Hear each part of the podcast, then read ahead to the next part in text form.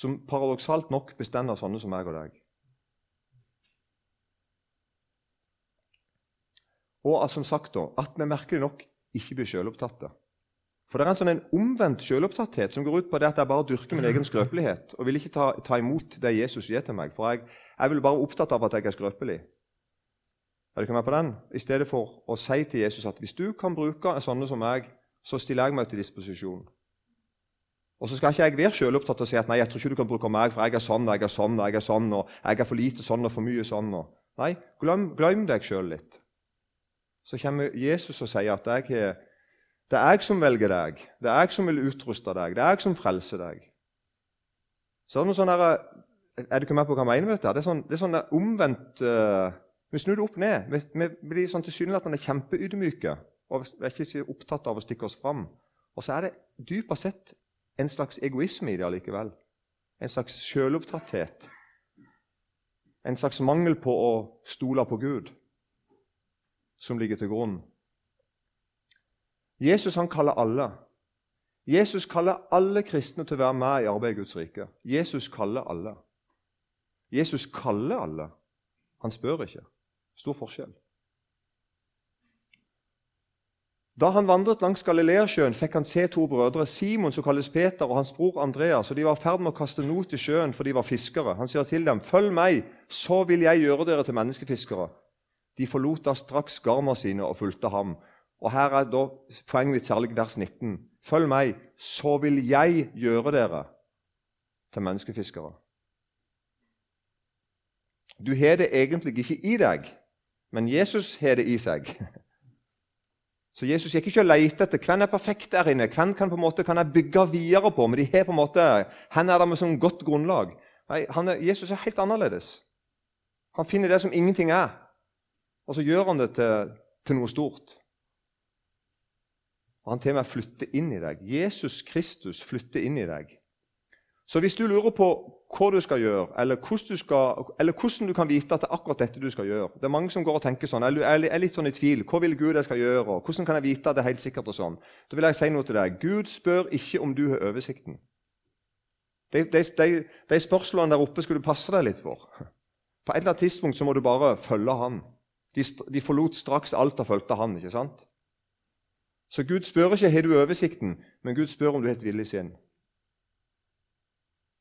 Blir du med? Liksom. Nå går jeg. Blir du med? Ja. Gjør deres tjeneste med et villig sinn, som for Herren og ikke for mennesker. Efeserbrevet 6-7. Og Så er det da på en måte at jeg stopper litt opp her på en måte uh, i dag. Og det er at Her er det noe viktig når vi snakker om å følge Jesus og om tjenesten i Guds rike. Hva er det som driver deg? Paulus snakker om et villig sinn. Gjør deres tjeneste med et villig sinn, som for Herren, ikke for mennesker. For det at vi er ikke drevet vi er ikke dreven av et bud om å drive misjon.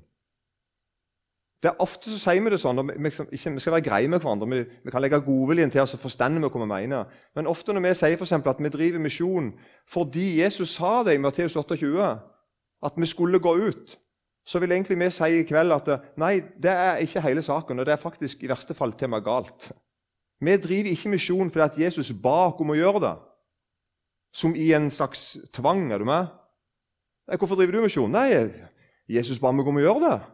Er du ikke med? Nei, det, det er ikke så enkelt eller ikke så, ikke så vanskelig. Nei, det er enda mer. Vi, vi gjør det fordi vi elsker ham.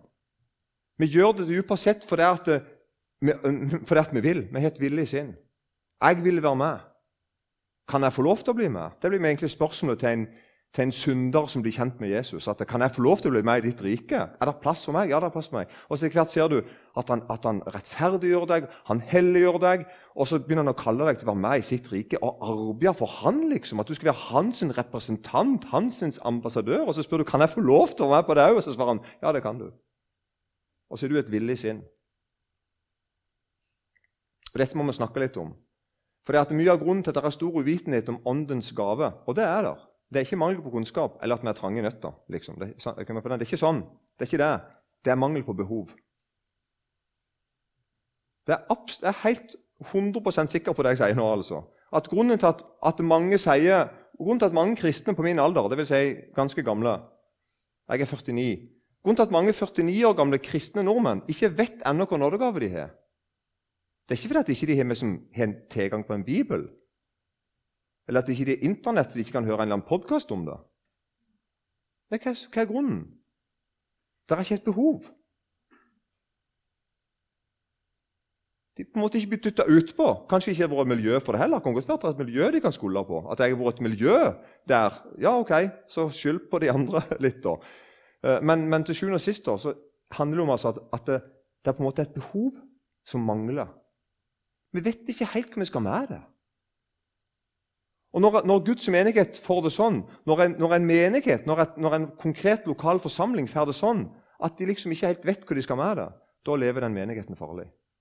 Og Da begynner vi å diskutere nådegave og ha mening om nådegave. Er det ikke meg? Og Det er litt derfor jeg vil innlede med dette i kveld. At jeg vil ikke inn den døra hvis en kan unngå det. hvis du skjønner. Der vi liksom begynner å diskutere hva mener du om ditt og hva mener du om datt. Og så gjør vi om til en helt annen ting. Nei, Jeg ønsker å gå inn den døra der vi er med Gud og gjør på en sånn måte at vi behøver Åndens gave. At vi behøver hjelp ifra oven. At ikke det er sånn, noe sånn noe er interessert i, liksom bare. Men ta kjenn på nå, Gud, nå må du komme, for nå sitter jeg her med en helt konkret situasjon. Og hvis ikke du kommer nå, så går det ikke. Er ikke med? Og Gud velsigne deg, du som har vært i sånn situasjon. Gud velsigne deg som kjenner på at jeg har vært i situasjoner der jeg var hjelpeløs. Men så var det ikke likevel. For jeg visste en jeg kunne gå til. Det var en jeg kunne spørre om hjelp akkurat da i rette tid. Så det med som jeg har bedt om i dag Kjære Jesus, gjør det sånn at det vi som er samla på Lura bedehus, kjenner på et behov en, en, en, en sånn helt, er det på den? Gud, et behov for at jeg trenger å vite, jeg, jeg behøver å vite noe. Jeg trenger å vite noe fordi at jeg skal gjøre noe. Jeg står i noen ting. Jeg vil være med på ting.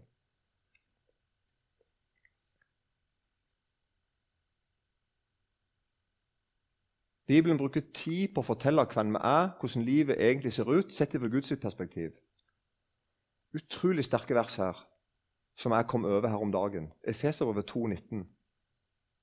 Så er dere Dette sier han altså til deg som hører Jesus til. Så er dere da ikke lenger fremmede og utlendinger, men dere er de helliges medborgere og Guds husfolk. Det er akkurat som at må, Bibelen, må, Bibelen må si noe om, om menigheten sin. Må minne dem på hvordan det ser ut sett med hans øyne. Dere er ikke lenger fremmede utlendinger. Dere er hellige medborgere og Guds husfolk. Altså, I sammenheng det står jeg er bygd opp på apostlenes og profetenes grunnvoll, og hjørnesteinen er Kristus Jesus selv. I ham blir hele bygningen føyd sammen og vokser til et hellig tempel i Herren. I ham blir også dere, sammen med de andre, bygd opp til en Guds bolig i Ånden. Men hovedpoenget mitt var å si vi er Guds husfolk. Tygg litt på det. Hva vil jeg si? I Eiken, der jeg kom ifra, så har vi et eh, feriesenter. Det har på en måte hatt sine glansdager. På 80-tallet var det ganske hot. Eh, Eiken hotell og feriesenter langs, 40, langs fylkesvei 42. Og Der hadde de et slagord når jeg vokste opp, og det var 'Der godtfolk bor, kommer godtfolk til'. Er du på den? Du skjønte den? Det, var sånn, det likte vi. og Folk likte å stoppe igjen. 'Å, vi er godtfolk.' Og så stoppet mange igjen og kjente litt på. Det var godt å bli sett sånn på. Um, og det er litt det ordet her, husfolk. Det betyr altså vi er ikke fremmedfolk. Å være husfolk er liksom det som sier at det, det, er noen som må ringe på døra og sjokke når de skal inn. ikke sant? De fleste må det der jeg bor.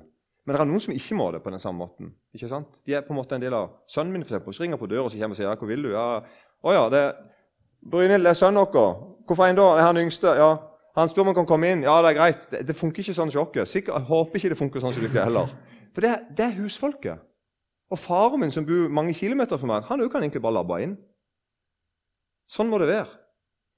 Og Gud går inn og, Gud går inn og ut av huset ditt.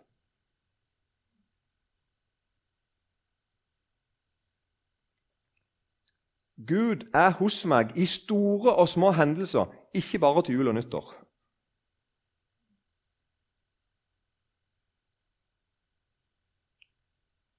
så er dere da ikke lenger fremmede utlendinger, men dere er de helliges medborgere og Guds husfolk. Vi er Guds husfolk av bare nåde. Det var nåde som gjorde det, helt ufortjent, at jeg ble en del av Guds husfolk. Og Derfor kan vi si at Gud forventer mye av oss. Nå etterpå vi ble hans husfolk. Han vil at vi skal hellige huset, og han vil fylle huset med sin ånd. Kjære Jesus, det ber jeg om at du må få lov til å gjøre her og nå i kveld.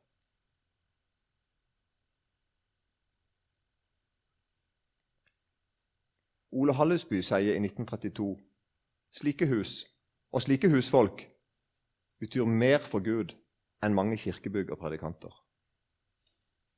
Godt sagt. Hvis jeg kan være et hus der Gud får lov til å ja, være herre Og så en ting til. Verden, altså de som ikke er Guds husfolk, de som ikke hører til i Guds menighet, de som ikke kjenner Jesus, de òg forventer, forventer, noe av Guds husfolk. Og det skal vi takke for. Det, vi, det blir trist den dagen de ikke-kristne ikke krever noen ting av oss. Det blir en trist dag, selv om vi ofte tenker at det er så dumt når de, krever noe av oss. Men det blir en veldig trist den dag den dagen din nabo ikke bryr seg om hvordan du lever, og du som kaller deg kristen. Verden forventer noe av Guds husfolk, og det bør de gjøre. Det skal de. La oss be om at verden må kjenne at Gud går inn og ut av vårt hus. Dette er nesten helt direkte sitat Ole Hallesby. La oss be om at verden må kjenne at Gud går ut og inn av vårt hus. Og så sier jeg poenget da la verden kjenne det. Ikke bare vite det. Men la verden på en måte føle på kroppen hva det vil si at jeg kjenner noen som kjenner Gud. Og la verden se at vi går, og la verden se at vi går inn og ut av vår fars hus også, i glede og sorg. Og la verden se frigjorte mennesker som lever i verden, men ikke av verden. Og når vi ikke innfrir, ikke klarte dette, altså, å leve som vi skulle, la verden se vi roper på Gud barnekårets ånd, Abba, far. Det er utrolig sterkt vitnesbyrd når en Jesu disippel ber om nåde, og verden hører på. Det er en utrolig vitnesbyrd når en kristen innrømmer å ha gjort deg synd, og ber om tilgivelse. Det er det. Verden ser det.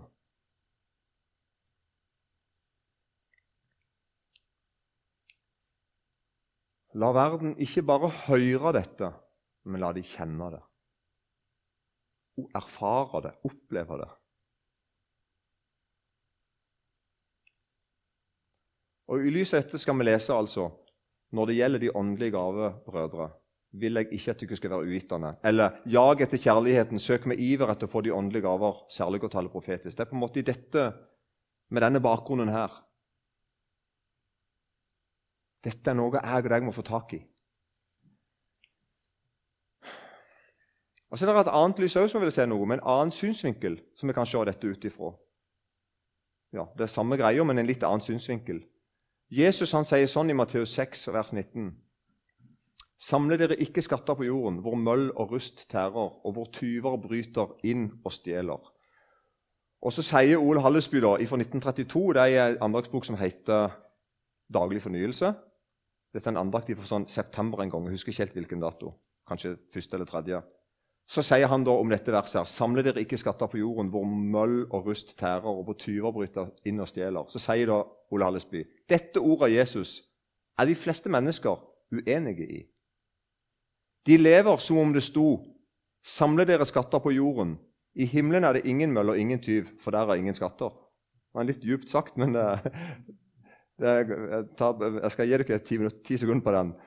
Altså, Samle dere ikke skatter på jorden, sier Jesus, hvor møller og rust og hvor tyver bryter inn og stjeler. Og så akkurat vi tenker at Det betyr sikkert at det er ikke noe skatter i himmelen.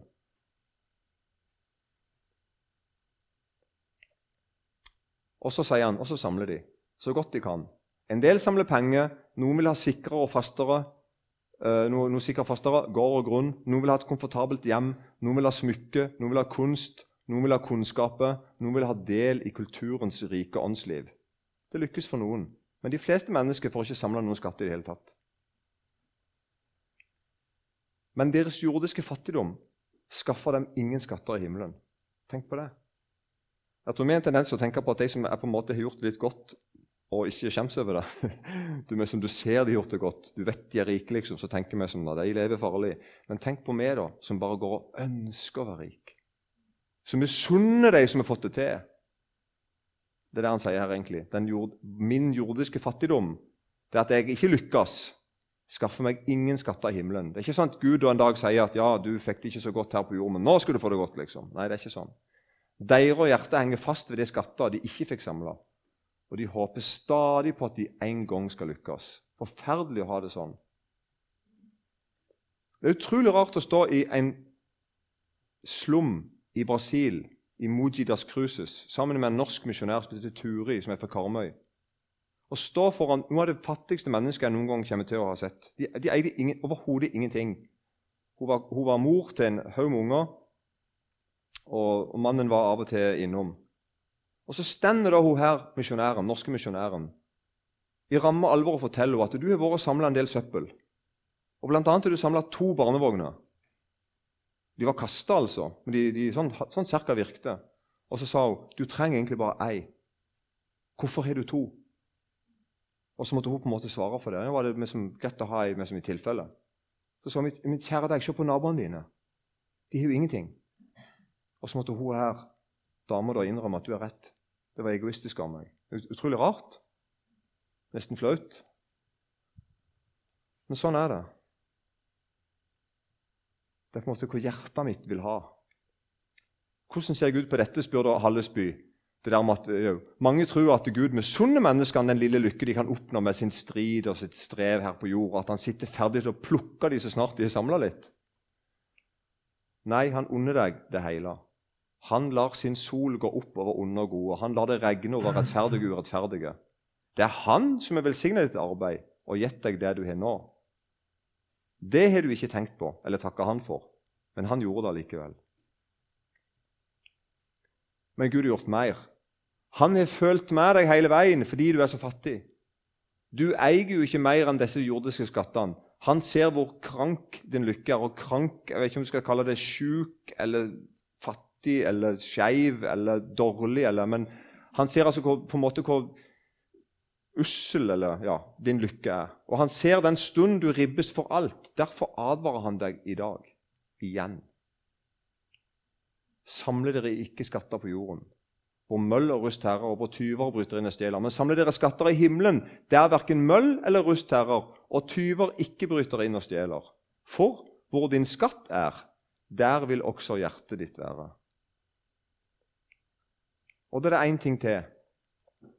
Det der 'samle dere skatter i himmelen'. Det betyr egentlig at Jesus sier vi skal benytte de jordiske skattene til å samle skatter i himmelen. sier Jesus. Jesus oppfordrer dere rett og slett til å bruke våre jordiske midler til å vinne oss venner som tar imot oss i det evige boliger. Tenk på det når du møter et lidende og trengende menneske.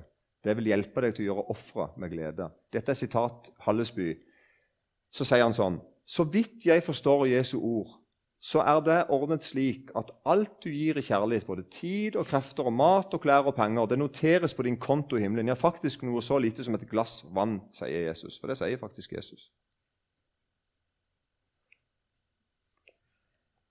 Og det er misjonssinnet, eller evangeliseringssinnet. Brennende hjerter som får del i Guds erobringstrang, må vinne nytt land. Og når vi som folk på en måte kommer der at vi ser at vi skal bruke livet vårt på å samle skatter i himmelen Livet er ikke nå. Punktum. Det evige livet er ikke seinere engang. Jeg har fått evig liv allerede nå. Og det evige livet er å leve hos Jesus og sammen med Jesus. Og det der erobringstrangen som vi får, har du kjent på den? Det der på en måte at du har lyst til å på en måte vinne nytt terreng eller nytt land. Eller, eller det er sånn metaforer, da. Men du har lyst å vitne om Jesus til andre. Du har lyst til å se noen ikke-kristne ta imot Jesus. Bli med i Guds rike. Har du kjent på den trangen? Det er jo den eneste egentlig forsvaret av, ditt, av vårt territorium som, som, på en måte fungerer. Jeg tror at vi kan, nå, i, eh, vi kan nå komme i en situasjon der vi opplever at det er så mye storm på alle kanter. og Det er så mye angrep på bibelsk eh, forståelse av en del ting. og Konservativ kristendom. eller jeg vet ikke hva man skal kalle Det da. Det er masse rare ord vi kan bruke på det. Og mange ganger tenker Vi sånn at vi må bare i fall prøve å bevare den lille gjengen som er igjen, i det minste. Det er et mislykka prosjekt, tro meg. Den beste måten å bevare mitt gudsliv det er ikke å skjerme det hermetisere det eller grave det ned, som Jesus sier i, i lignelsen med den talenten. Nei. Det som bevarer meg hos Jesus, er at jeg, at jeg gjør det motsatte. Jeg, er, altså jeg blir med og erobrer nytt land. Tro meg, det her vet sikkert dere mer om. Det er sånn, det er sånn vi lærer i, i, hele Bibelen. skulle jeg si. At det, liksom, Litt dristig å si angrep er det beste forsvar. Den er litt sånn, kanskje, den kan misforstås, kanskje, men, men hvis, ja, hvis, du legger godviljen til det altså det, det å tenke at jeg, vil høre til, jeg hører til et rike som er et seiersrike, det vil jeg være med i. Og ved å være med i det riket der, så opplever du òg å bli bevart. Derfor når vi, det øyeblikket vi begynner å lage en kristendom som skal bevare at Vi sier at vi har laga en kristendom som egentlig er som formål nummer én. Det er bare å bevare. For nå lever vi i så dårlige tider at vi skal være glad vi bare bevarer. Det vil ikke jeg bli med på. Jeg blir ikke med. Jeg tør ikke være med. Jeg tror det er et farlig prosjekt, selv om jeg skjønner tanken. Jeg er med, altså jeg er med på tanken. Jeg er ikke, jeg er jeg. Jeg er med på tanken. Men jeg kjenner på at det er livsfarlig. Nei, jeg vil høre til en Jesus som er, som er seirende, som er mektig, som er allmektig, som utruster dere, gir dere akkurat det vi trenger for å gjøre akkurat det som han vil vi skal. Og som Det er han som har sagt vi skal gå, det er han som har sagt han skal være med oss, og det er han som sier at vi skal komme til han og bli utrusta osv. Det ikke forskjellen? Det er en enorm, det er en enorm forskjell. Og Derfor er det sånn at ordet nådegave Hvor lenge holdt på nå, egentlig? Ja, ok. De slutter med her. Det har vi ikke snakket om, Asgeir. Ja, stemmer. Jeg ser når du ikke reiser. Ja. Men, men altså, det ser vi på ordet nådegave. Altså, hele, hele, ordet nådegave det er et veldig godt uttrykk. Det er, så, det, er så, det er en gave som er gitt til deg ufortjent. Det er at du får en utrustning fra Gud. Det er at Den hellige ånd gir deg noen, noen utrustninger som du skal ha. Det er bare nåde. Det er totalt ufortjent. Han går ikke og leter etter om jeg på en måte er god nok til at jeg skal få den eller den gaven. Det er noe han suverent har oversikt over.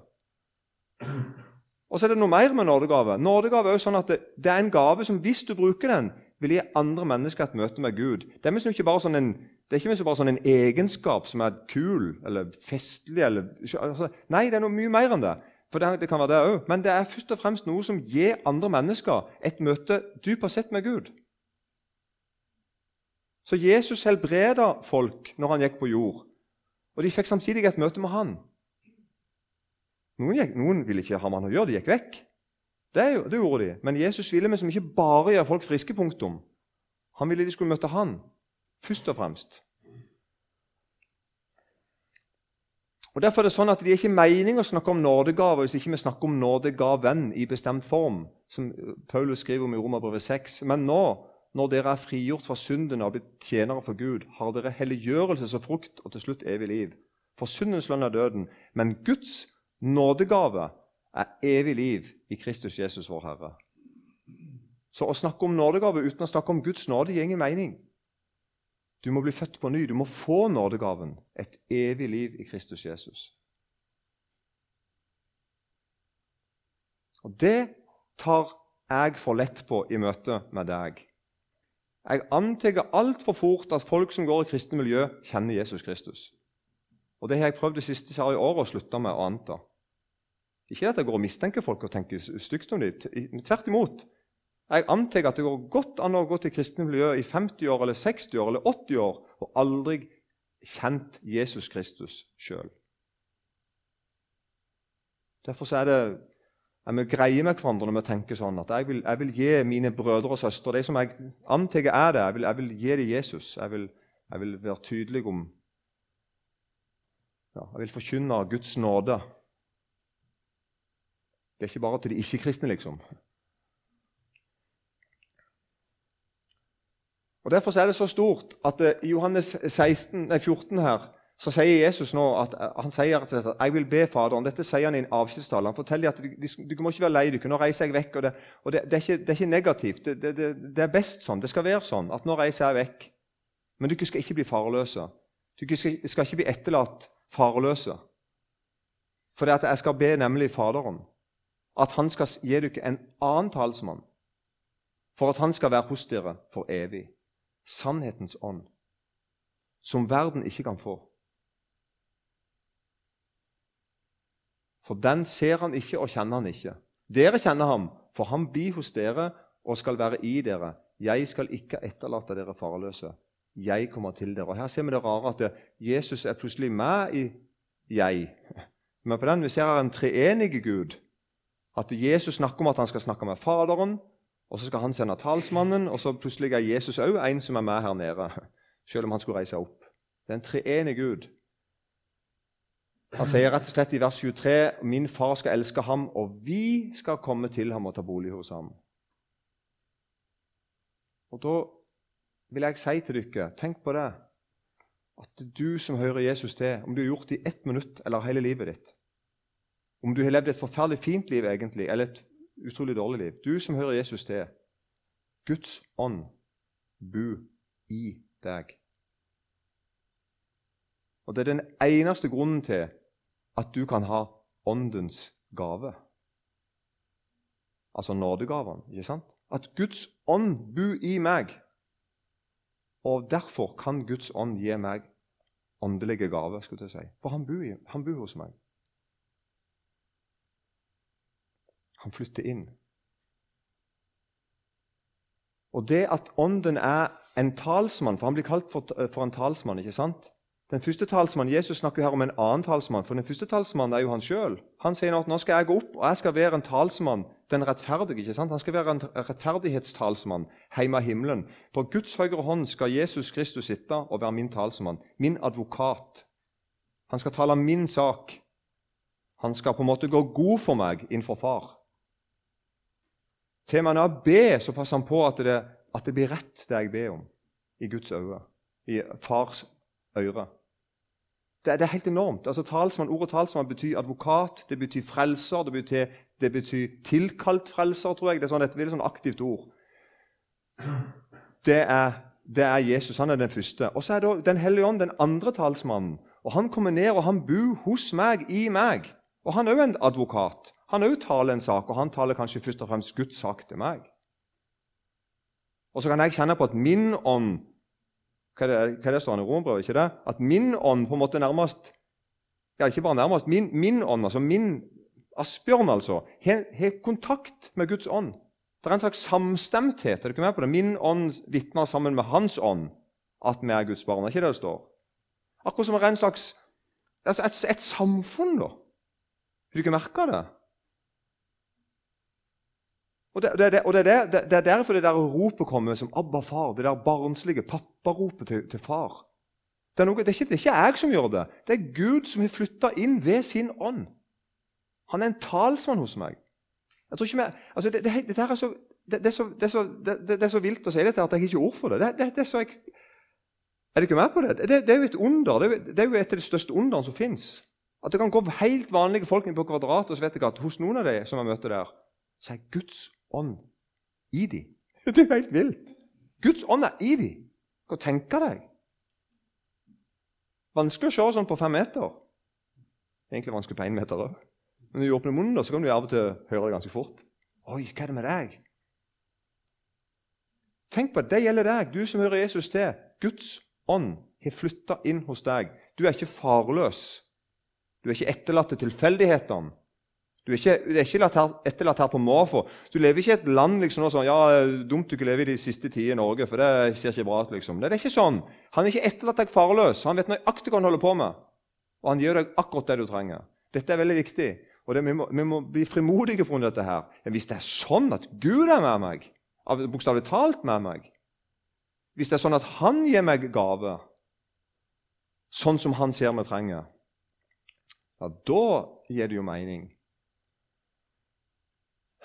Og så må jeg bare si et par ting eh, når det gjelder forholdet mellom nådegave og naturgave. Du ikke bruker sånne uttrykk her. Det er iallfall et uttrykk jeg har lært. Eh, at det er noe som heter naturgave. Og det har vært for meg en, en sånn en, uh, ting jeg har vært veldig i tvil om. For det at uh, jeg er i tvil om noen av gavene jeg har, ikke er kan du, altså, Vi kan alle komme i tvil om det. ikke sant? Denne tingen som jeg nå gjør, Hvordan vet jeg at det er en nådegave, ikke bare noe et eller annet, en skills jeg har? Altså, noe jeg er bare litt sånn flink til? Altså, sånn, sånn, kan noen komme i tvil. Er ikke med på den? Hvordan vet jeg at det ikke dette er bare noe jeg er litt sånn flink til? Og andre får, å, det er så bra når du gjør det. Kanskje du må gjøre det, for det er så bra når du gjør det. Så tenker ja, ja det, er, det, er, en viktig tilbakemelding, det, men på en måte hvor, hvor djupt stikker det, liksom? Det har jeg tenkt mye på. Og For min del også er det sånn at eh, når jeg var ganske ung, og noen sa til meg at jeg kanskje skulle være forkynner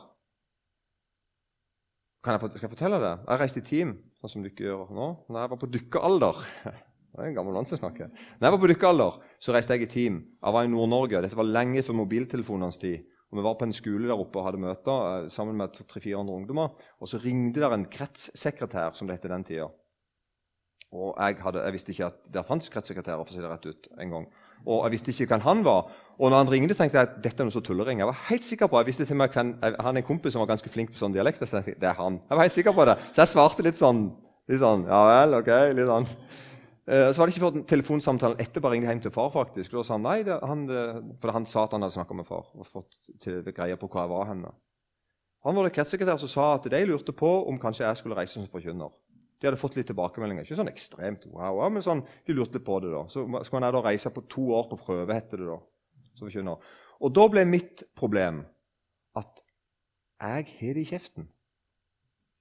Det er null problem for meg å stå foran folk og si ting. Det ligger litt til slekta å gjøre det. det. det. er ikke vanskelig for meg. Derimot mange andre jeg kjente som var forkynnere, sa at det var helt forferdelig å stå foran folk. De, de, de, de klarte liksom ikke. Og derfor det, jeg følte det var mer sånn Det er til og med noen forkynnere som stammer når de er på privaten. Altså de, de, det er vanskelig for dem å snakke på privaten når de snakker om alminnelige ting.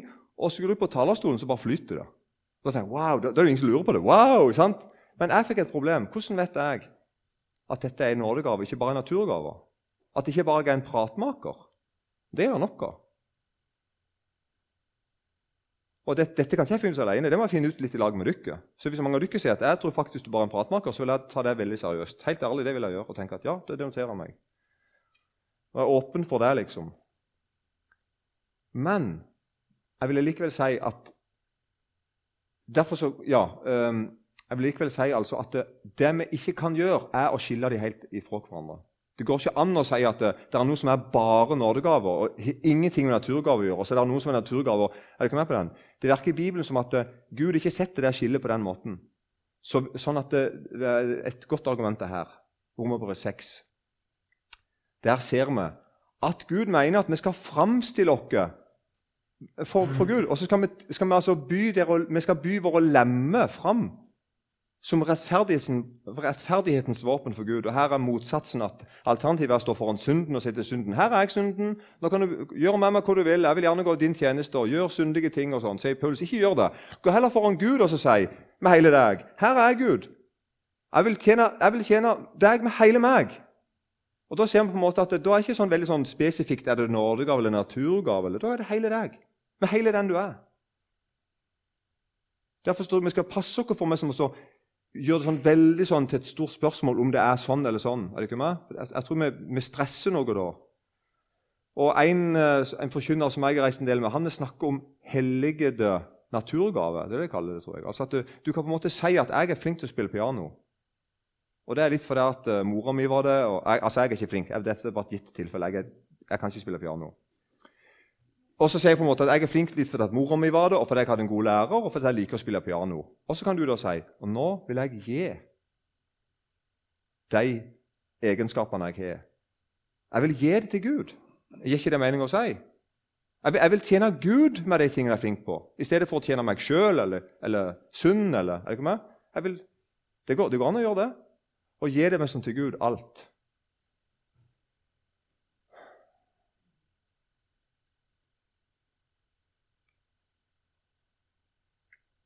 Allikevel er det sånn at nådegave er noe annet enn dine egne evner og ferdigheter. Gud gir deg det han vil. Og dette, derfor er det veldig viktig å si dette òg. Altså. At Jesus, nei, uh, Paulus sier sånn i 1. Korinterbrev 12,11.: når han er summert, når han remser opp en haug med nådegaver, så sier han alt dette virker den ene og samme ånd, som deler ut til hver enkelt ettersom han vil. Så det er noen ting som Gud legger ned i deg, og som han er helt suverent bestemt sjøl. Han har en oversikt, og så bare gjør han det. Sånn som han vil. Og Derfor kan det være at du får en oppgave, et kall, en tjeneste som, som totalt kolliderer med det du tenker at du skal gjøre.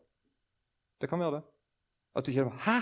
Skal jeg gjøre det?' Nei, nei, det kan ikke jeg gjøre. Det kan være at det blir en sånn reaksjon. Helt, helt, helt over Helt soleklart kan mange si det. At jeg, jeg, jeg fikk noen ting altså, å gå med og gjøre som var sånn hadde aldri gjetta det for to måneder siden eller et år siden. Eller jeg hadde aldri trodd at jeg skulle gjøre sånne sånne ting. Men jeg ser nå at Gud ville at jeg skulle gjøre det for deg. Og da skal du gjøre det. Men så vil jeg jo si det kan være at den tingen du liker å holde på med, er noe Gud vil du skal holde på med. Det trenger ikke være sånn at det alltid skal være fælt å gjøre noe bra for Gud. hvis du skjønner. At det, det må være noe fælt. noe.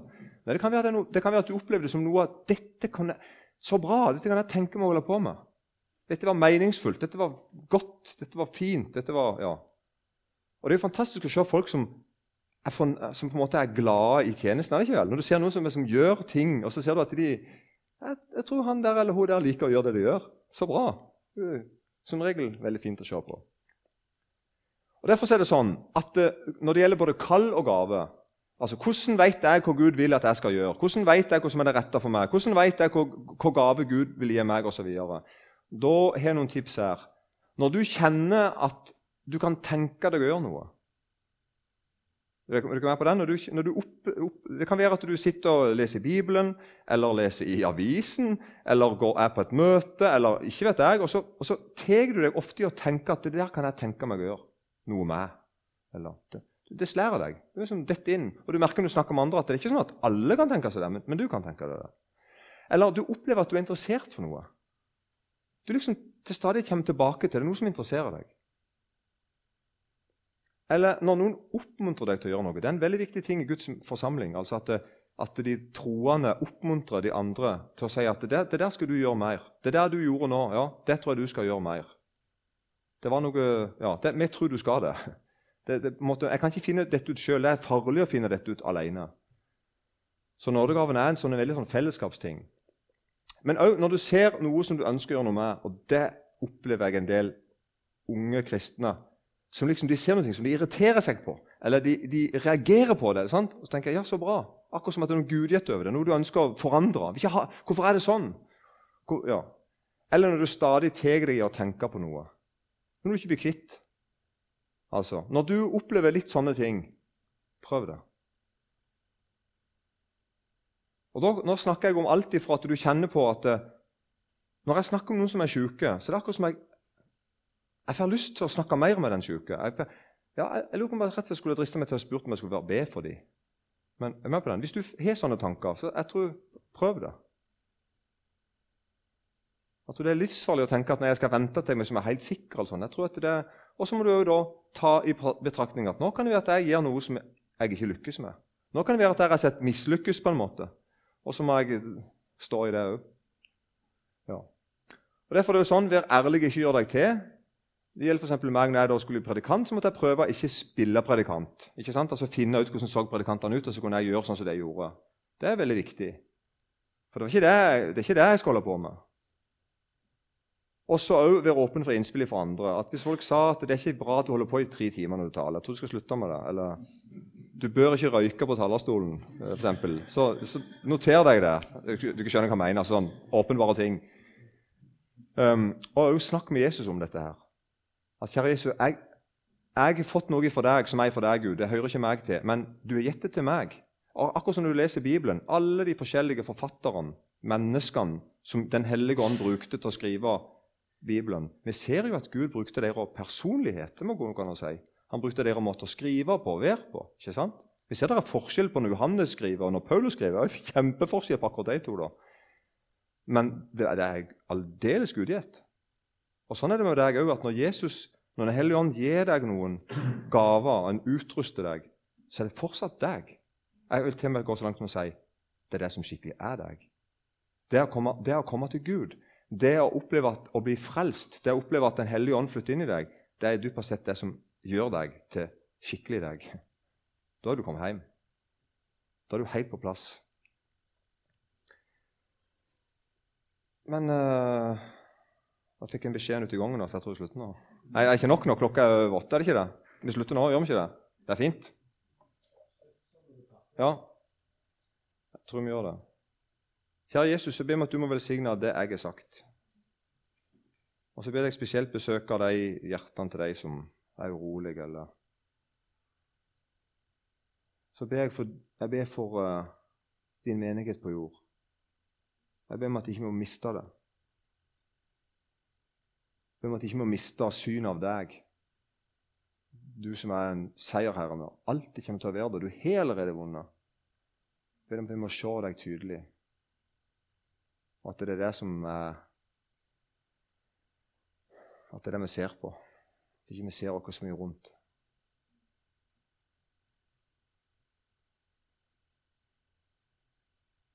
Amen.